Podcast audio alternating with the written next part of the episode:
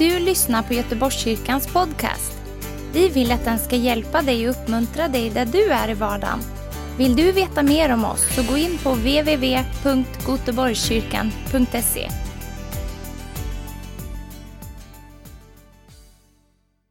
Hej, vad härligt att se er. Vilken underbar morgon att starta på. Alltså den här lovsången, man blir ju aldrig trött på att sjunga lovsång, eller hur? Vad härligt, Bosse tyckte det. Att man inte blir det så. Det är fantastiskt att få träffas tillsammans och dela Guds ord.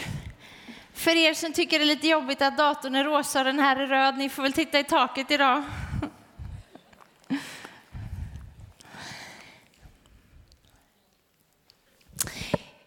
Jag ska bara ge en liten kort berättelse som du förmodligen känner igen. Det var en kung som bjöd in till en fest. Han bjöd in sina dyra, fina vänner. Men ingen kunde komma. Ni känner igen det här. Så han liksom kliade sig i huvudet och funderade över varför kommer ingen? Okej, men om jag bjuder in de fattiga och de som är hemlösa, så han skickade ut tjänarna igen att bjuda in de fattiga och hemlösa. Och de kommer på festen. Och de har en fantastisk fest. Och de firar de dricker gott och äter och har en fantastisk kväll. Och jag tror att kungen är ganska nöjd. Så tänker jag så här. Vi tänker nog alltid bara, alltså fy vad drygt av dem som tackade nej och inte kom på festen. Och så känner vi, ja men vad fantastiskt att vi bjöd in de hemlösa och sånt. Så tänkte jag så här, vem av alla de här karaktärerna kan vi identifiera oss med? Är vi den som bjuder in, den kungen är ju son till någon. Han, det är liksom hans rike, hans kungarike, sonens rike. Tjänarna gör som kungen säger och går och bjuder in.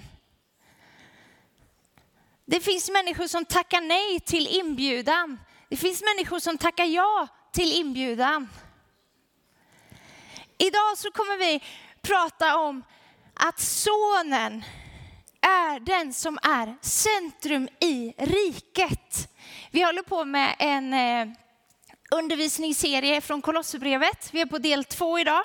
Och har du missat första delen så finns den på vår hemsida. Där Christian talade om, från första kapitlet om kunskapen om Guds vilja. Att ta den till sig och att tillämpa den. Så vi kan leva värdigt Herren och bära frukt.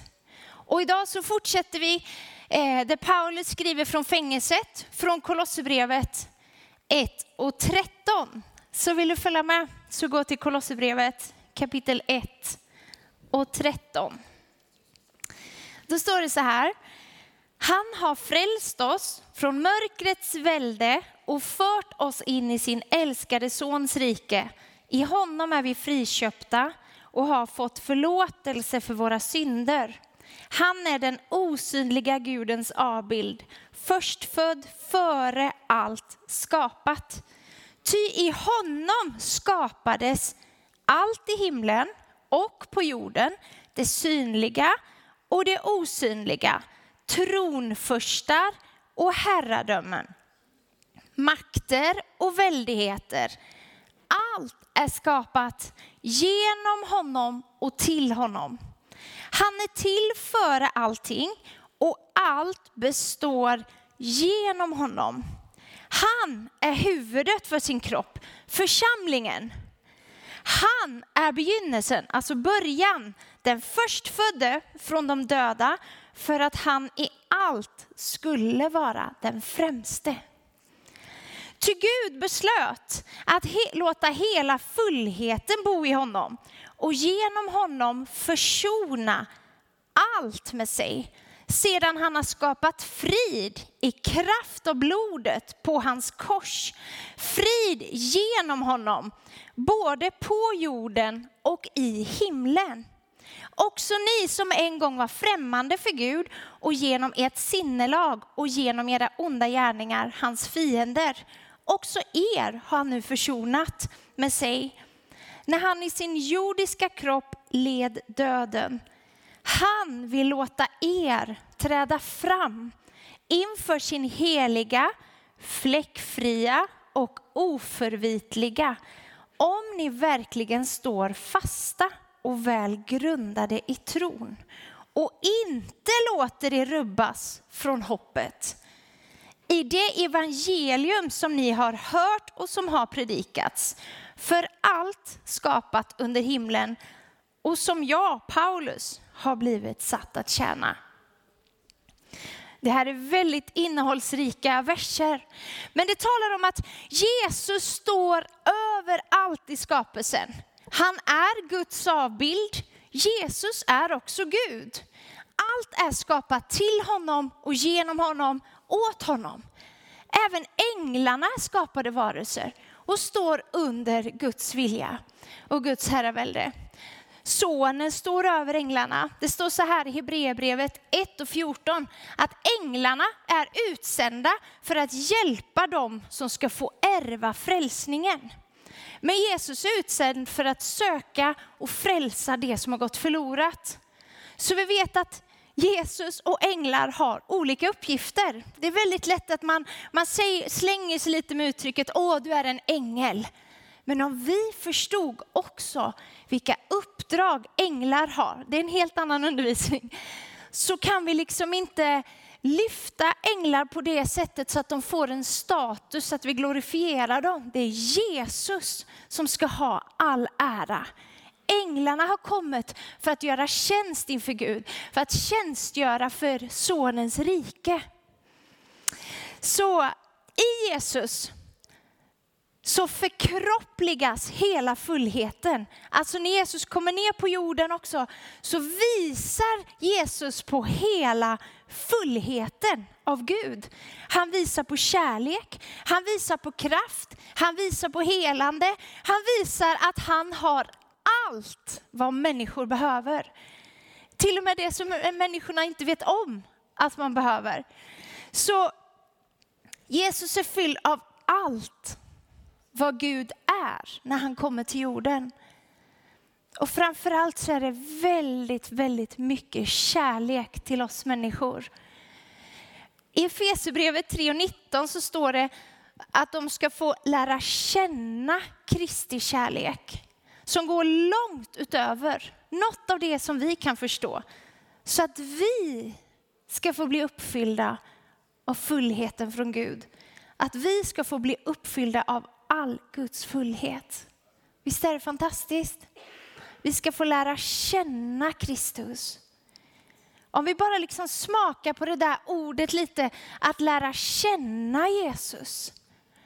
Det är lätt att slänga sig med, jag känner någon, jag känner någon, eller liksom, jag känner den. Men på vilken nivå, hur djupt känner vi Jesus?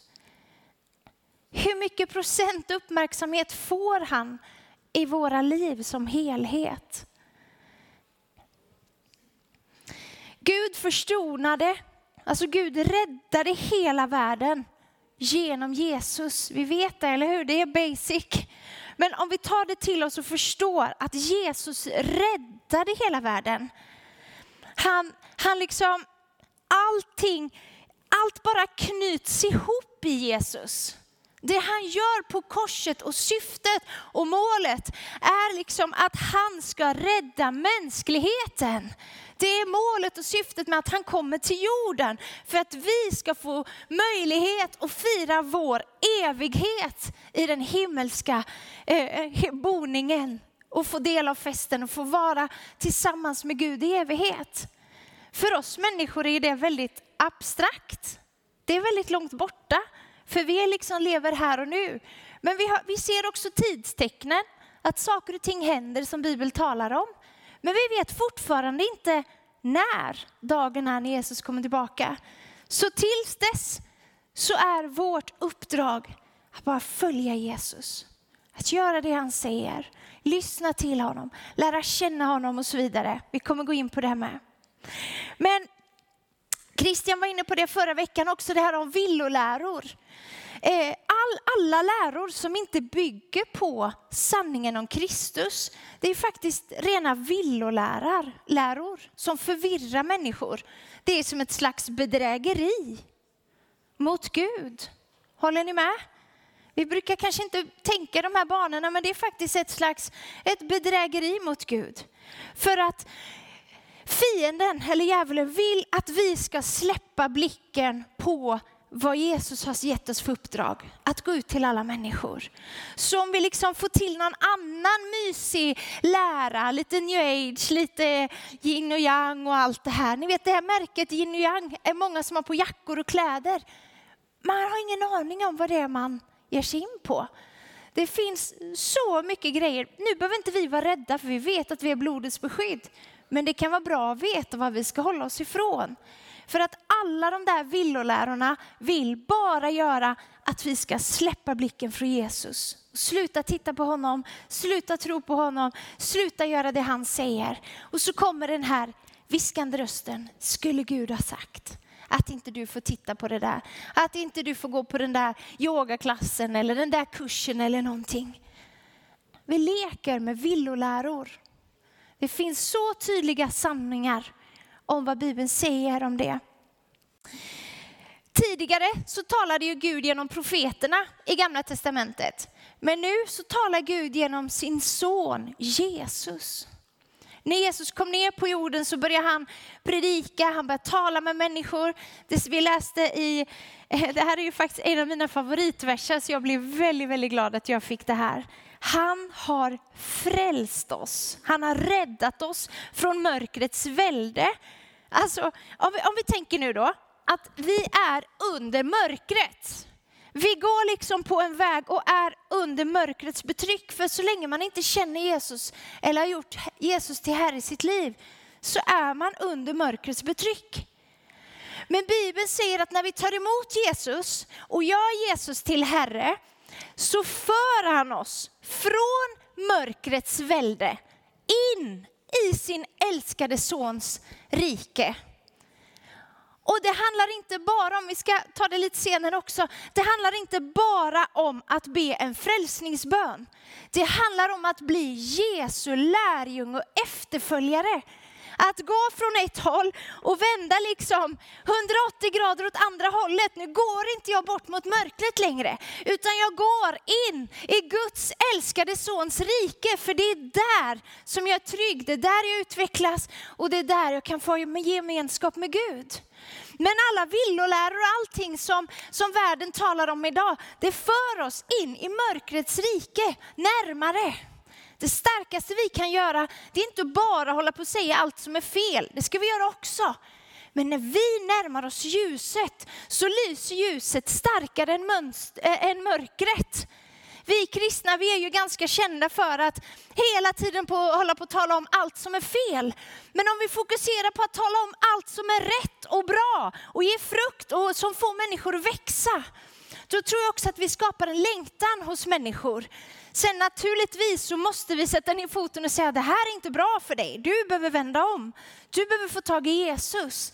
Eller ibland när vi behöver kanske tillrättavisa kristna som flörtar med mörkret. Det här är väl inte så farligt, det här kan jag göra lite. Vi är kallade att representera sonens rike. Där det finns sanning, kärlek, trygghet, frid och allt det här. För några år sedan när jag bodde i Märsta så predikade jag på ett ungdomsmöte, det är väldigt många år sedan, eh, på 1800-talet ungefär. Nej. Då var det en fredagkväll och predikade på ett ungdomsmöte. Och jag predikar liksom bara ett enkelt frälsningsbudskap.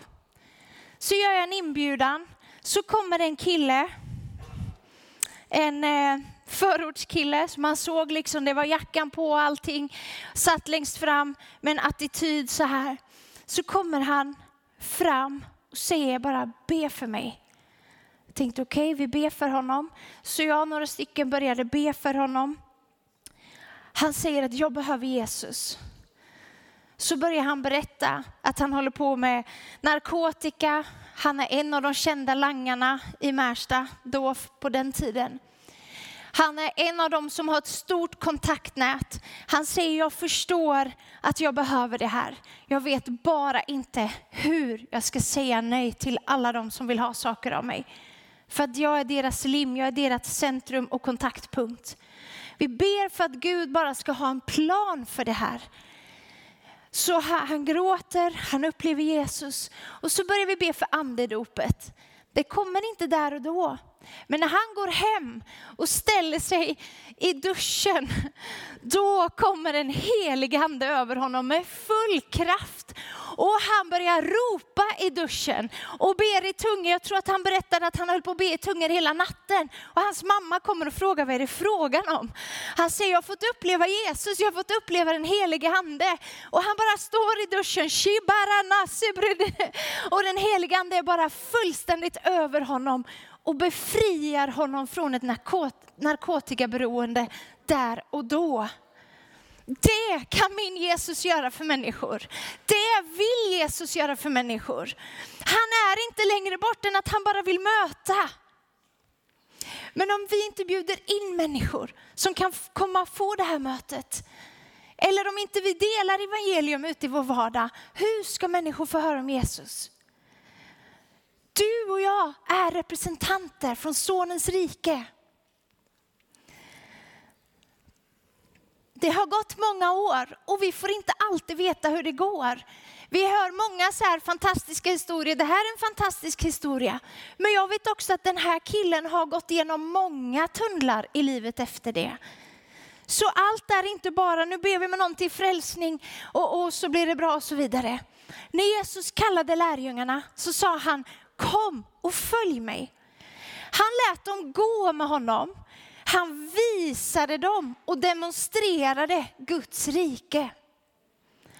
När vi, jag satt igår och förberedde lite så tänkte jag så här, vi pratar så mycket om att be frälsningsbön. Hur många vi bad frälsningsbönen med? Men är det det det står i Bibeln att be med så många som möjligt till frälsning? Är det det det står? Nej, det står gå ut och gör alla folk till vad då? Lärjungar. Det är skillnad på att bara be med någon till frälsning och att träna dem till att bli en lärjunge. Det står ju faktiskt inte, jag vet inte om du hittar något bibelställe där man bad med människor till frälsning. Det är en bön som vi absolut inte ska plocka bort, för den handlar om att bekräfta sin tro. Så det är inte det jag säger att det ena utesluter det andra. Men att be en frälsningsbön är ett steg på vägen. Det är inte allt, det betyder inte att en människa bryter igenom och blir en Guds lärjunge. För sen så börjar det stora jobbet. Att du och jag måste ta hand om människor, träna människor, att prata med människor, ta in dem i församlingen, ta in dem i husgruppen, ta in dem, eh, ställa fram en tallrik till vid bordet hemma i våra hem, att öppna våra hem. Att när människor omvänder sig så handlar det om att människor ska få göra Jesus till Herre i sitt liv. Att tro, vad är det Romarbrevet säger? Hjärtats tro, munnens bekännelse. Att vi bekänner Jesus, du är min Herre. Och det kan man behöva få säga flera gånger, för ibland så är det liksom fight om vem som ska vara herre på täppan. Vem som ska vara herre på tronen. Jag tror att många som har tagit emot Jesus på senare år kan känna igen sig i det. Till och med vi som har varit kristna alltid kan känna att man är frestad. Vem ska få råda i den här situationen? Jag tror att vi ständigt måste påminna oss, Jesus, du är Herre i mitt liv. Den här situationen är inte herre. Den här ekonomiska situationen är inte herre över mitt liv. Den här prövningen är inte herre över mitt liv. Den här relationsproblemet är inte herre över mitt liv. Jesus, du är herre över mitt liv. Och vi måste påminnas om det. För i, i Apostlagärningarna så ser vi att när Petrus predikar och så kände människorna som ett stygn i hjärtat. Vad är det han säger? Vad ska vi göra? säger de. Omvänd er och låt er döpas. Det handlar om att gå från mörkrets rike, att vända om, sätta sin färd in i sonens rike. Och vi behöver förstå det här, för vi tänker ibland bara att vara frälst är att säga tack Jesus och, och jag blir frälst, jag tar emot det i hjärtat. Det, det är enkelt, men det är inte bara det. Det handlar om att göra Jesus till Herre och Mästare i sitt liv. Och att han ska få vara Herre i vårt liv, det är att han får leda oss. Han får bestämma oss, där vi får säga, vi tar emot kunskapen om dig, som vi hörde förra veckan, och vi ber om din vilja för våra liv. Inte som jag vill, sa Jesus när han hade bägaren i ett semane, men som du vill, säger han till Fadern. Det kräver lite uppoffring och att vi utelämnar oss själva, att vi lägger oss liksom på offeraltaret inför Gud. Förstå mig rätt nu. Att vi offrar någonting av oss själva, bekvämlighet. Vi offrar vår tillit till oss själva till Jesus. Till sonen, för att han har fått riket. Han äger riket som vi får komma in i. Den här killen i Märsta fick människor omkring sig som började lärjungaträna honom. Det fanns också de som inte gav upp på honom. Hur lätt är det inte att när människor strular och stökar att vi ger upp om människor. Men den här killen är bevarad.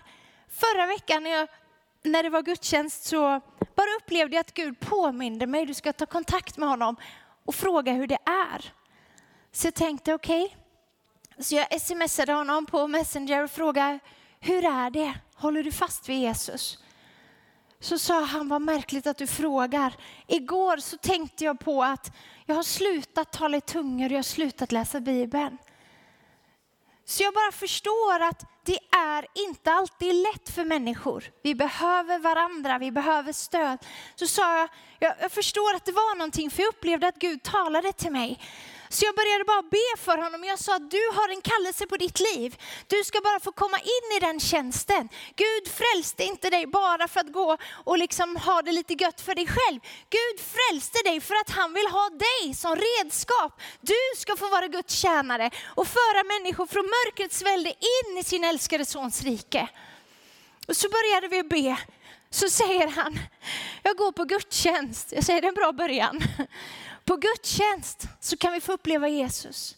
Och det kan vi få göra hemma, i bilen, på badhuset, på stranden, utomlands, i skidliften. Jesus vill alltid röra vid våra hjärtan när vi vänder oss till honom. Och jag tror att vi är många som också behöver förstå att det är inte bara nyfrälsta eller ofrälsta som behöver den här förnyelsen och omvändelsen hos Jesus. Det kan vara vi också som behöver säga Jesus, jag har sänkt blicken från dig. Jesus, jag vill lyfta min blick igen. Jag vill få tag i den här hungern, den här branden som gör att jag inte slutar att tro på hoppet om att människor ska få sättas i ditt rike. Att människor ska få komma in i det som du har. Människor kan falla bort från våra församlingar. Det är därför vi trycker så mycket på att vara en del av en husgrupp. Församlingsgemenskapen, det är här husgruppen kommer in. Församlingen är Kristi kropp. Det är inte lätt att vara liksom, ha en privat tro hemma i sitt hem. Eller springa runt på lite olika ställen. Jag tar lite här, jag tar lite där. Jesus säger församlingen är hans kropp. Så vi är Jesu kropp. Vi har fått det uppdraget att fungera som det med armar och ben och så vidare. Att vara med i en husgrupp innebär att vi kan få omsorg. Vi kan få mat. Vi kan spela spel. Vi kan få förbön. Vi kan få undervisning. Vi kan få samtala om svåra frågor, om lätta frågor, om viktiga saker. Vi kan få be för varandra. Förra veckan så hade vi husgrupp, eller om det var veckan innan, så kände jag, då satt vi alla vuxna, barnen höll på att leka sånt här. Så vid ett tillfälle kände jag bara, wow, tack Jesus, det här är husgrupp. Det är så här du hade tänkt det. Att vi ska få komma samman, äta tillsammans, prata, dela hjärtan. Vad tycker vi, vad tänker vi om det här? Det är fantastiskt. Så är du inte med i en husgrupp så vill jag bara uppmuntra dig att vara en del. En del församlingar kallar det cellgrupp eller eh, ja, bönegrupp eller vad det kan vara. Men här så kallar vi det för husgrupp, för det är grupper där vi träffas i våra hus, våra hem, under vardagen eller under helgen. Eh, och det hjälper oss att växa till i mognad. Det hjälper vår egen relation. För har du känt att när du har varit på en samling eller en träff, att man är väldigt glad när man åker därifrån. Och man vill be mer. Man vill läsa Bibeln mer. Så känner jag i alla fall. När jag åker härifrån på söndagarna, då är jag jätteupprymd och glad. Inte bara så jag liksom håller mig hela veckan, utan när jag kommer hem så startar mitt eget ansvar. Att läsa Bibeln, att be till Jesus, att be för människor.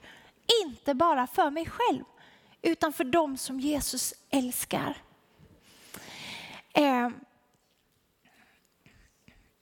det är så otroligt mycket lättare att bevara tron och överlåtelse när vi tillhör ett sammanhang. Det är så mycket lättare att, att liksom ens tro får växa till när man vågar odla relation med människor och dela hjärtat. Ja, men nu ber vi för det här tillsammans. I vår husgrupp så kan vi skicka ett sms, be för det här nu. Kan vi be för det här? Och det är fantastisk styrka. Eller kanske olika grupper, i, i någon ledargrupp som vi har, så fick jag torsdags bara smsa, kan ni be för det här? Jag ska berätta varför sen. Kolosserbrevet 1 och 24 går vi på nu. Oj vad klockan går. 1-24. Nu glädjer jag mig mitt under mina lidande för er och det som fattas av Kristus lidande uppfyller jag i mitt liv för hans kropp som är församlingen. Det lät lite väl klämkäckt. Ska jag läsa det lite allvarligare? Nej, vi går vidare. Dess tjänare har jag blivit i kraft av det uppdrag Gud har gett mig för er räkning att överallt predika Guds ord den hemlighet som genom tider och släktled varit dold men nu har uppenbarats för hans heliga. För dem ville Gud göra känt vilken rikedom på härlighet hedningarna har i denna hemlighet, Kristus i er, härlighetens hopp. Honom predikar vi genom att förmana varje människa och undervisa varje människa med all vishet för att ställa fram varje människa som fullkomlig i Kristus. För det målet arbetar jag och kämpar jag i hans kraft som verkar mäktigt i mig. Det är Paulus slutord och mål. Att han ska få arbeta och kämpa i Jesu kraft, i Guds kraft. Och jag tror också att Paulus skriver och uppmuntrar till församlingen. Och jag tror att det här om att vara en del av församling, det utmanar ständigt i en värld, i ett samhälle där det finns så mycket individualism nu för tiden. Bara jag mår bra, bara jag, cause you're worth it. Kommer ni ihåg reklamen, ni som är i min ålder och äldre? För att du är värd det, säger individualismen och egoismen. Jag är värd. Men den enda som är, enda som är värd, ska jag inte säga, men Jesus är värd någonting. Han är värd att predikas. I hans ögon är vi värdefulla, fantastiska, älskvärda och allt det där. Men Jesus är värd att predikas ut över hela landet. Jag satt och tänkte, och så tänkte jag så här, vi utgår så otroligt mycket från oss själva idag. Vi utgår så mycket så när man har sig själv och sina egna känslor som utgångspunkt, då är man ofta rädd för att binda sig till ett ansvar, till ett uppdrag. För att våra, våra rädslor låter vi ropa högre än Guds sanningar ibland.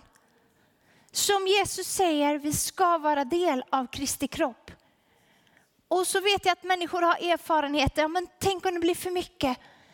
Men Jesus har inte tänkt att någonting ska vara för mycket om vi är i hans vilja. Det handlar om att balansera upp livet, att vi får vara i hans vilja. Om kunskapen om Guds vilja får råda i våra liv istället, då är det så mycket lättare att överlåta sig, att tjäna Gud i vardagen och kanske i församlingen, i husgruppen, till människor.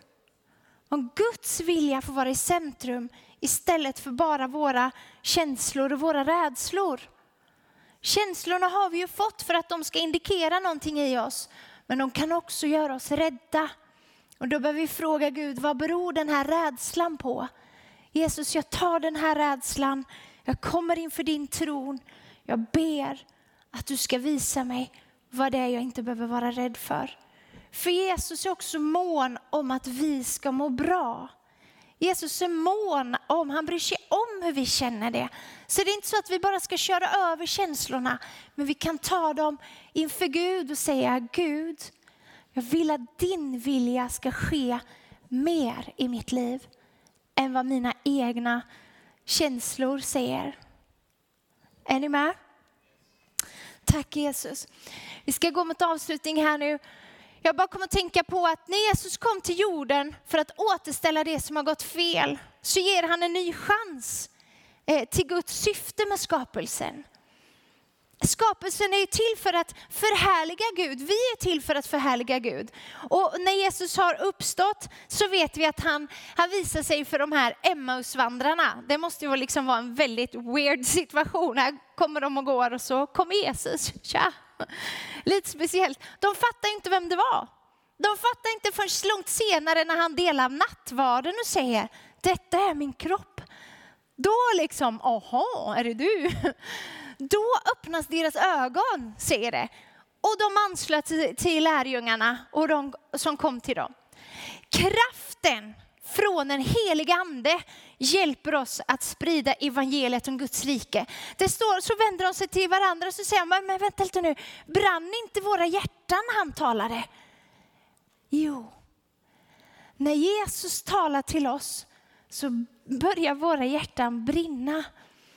Vi blir passionerade. Är det någon som vet vad jag pratar om? Håller ni med?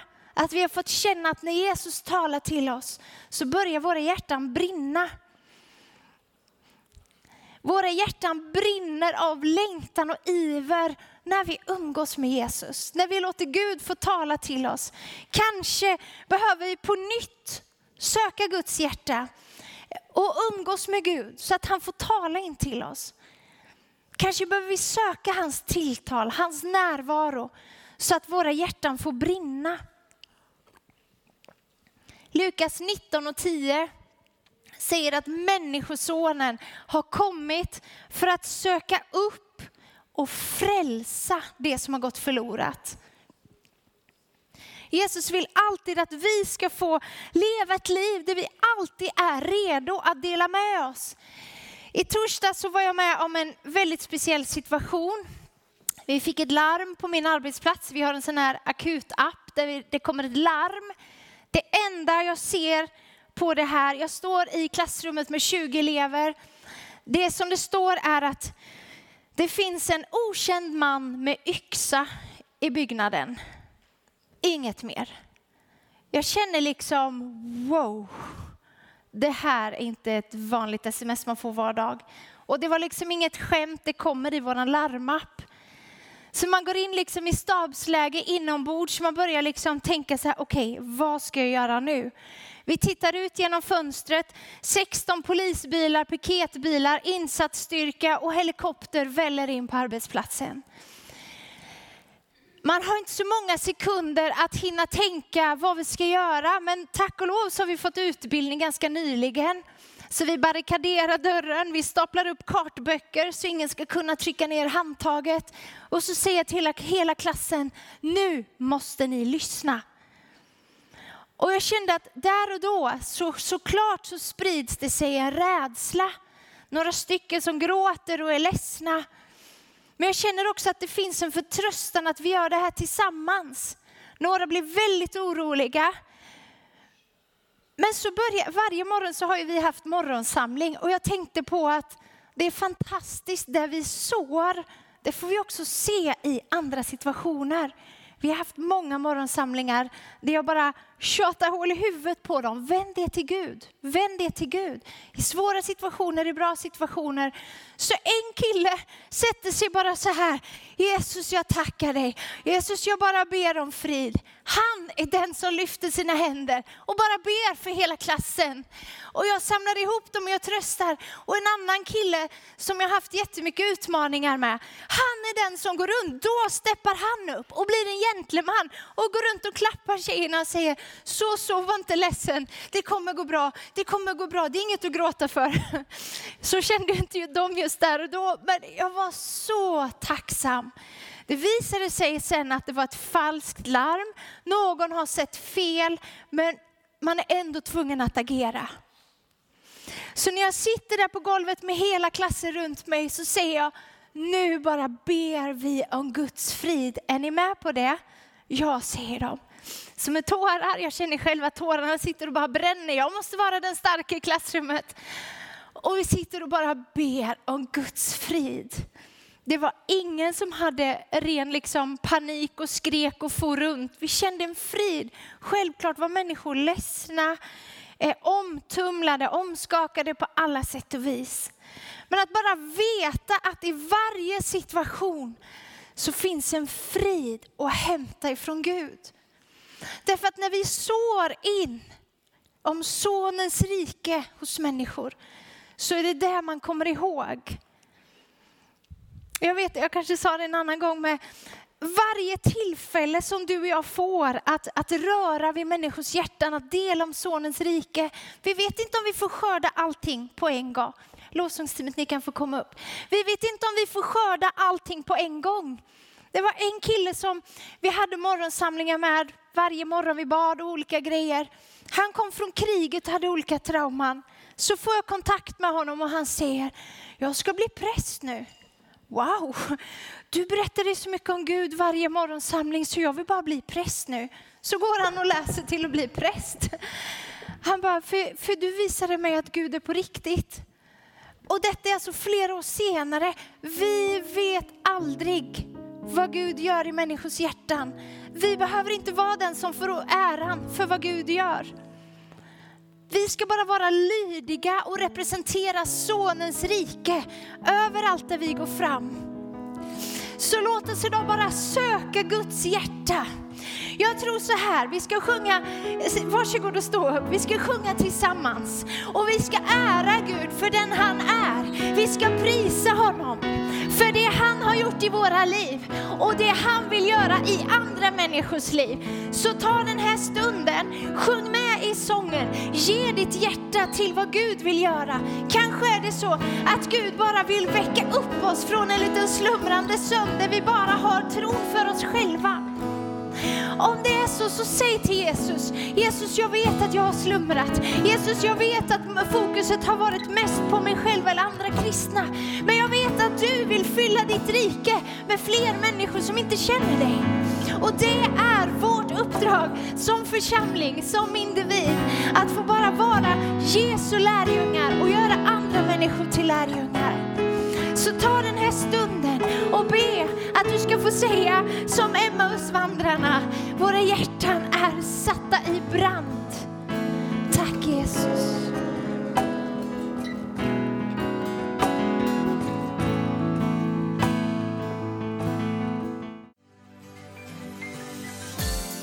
Tack för att du har lyssnat.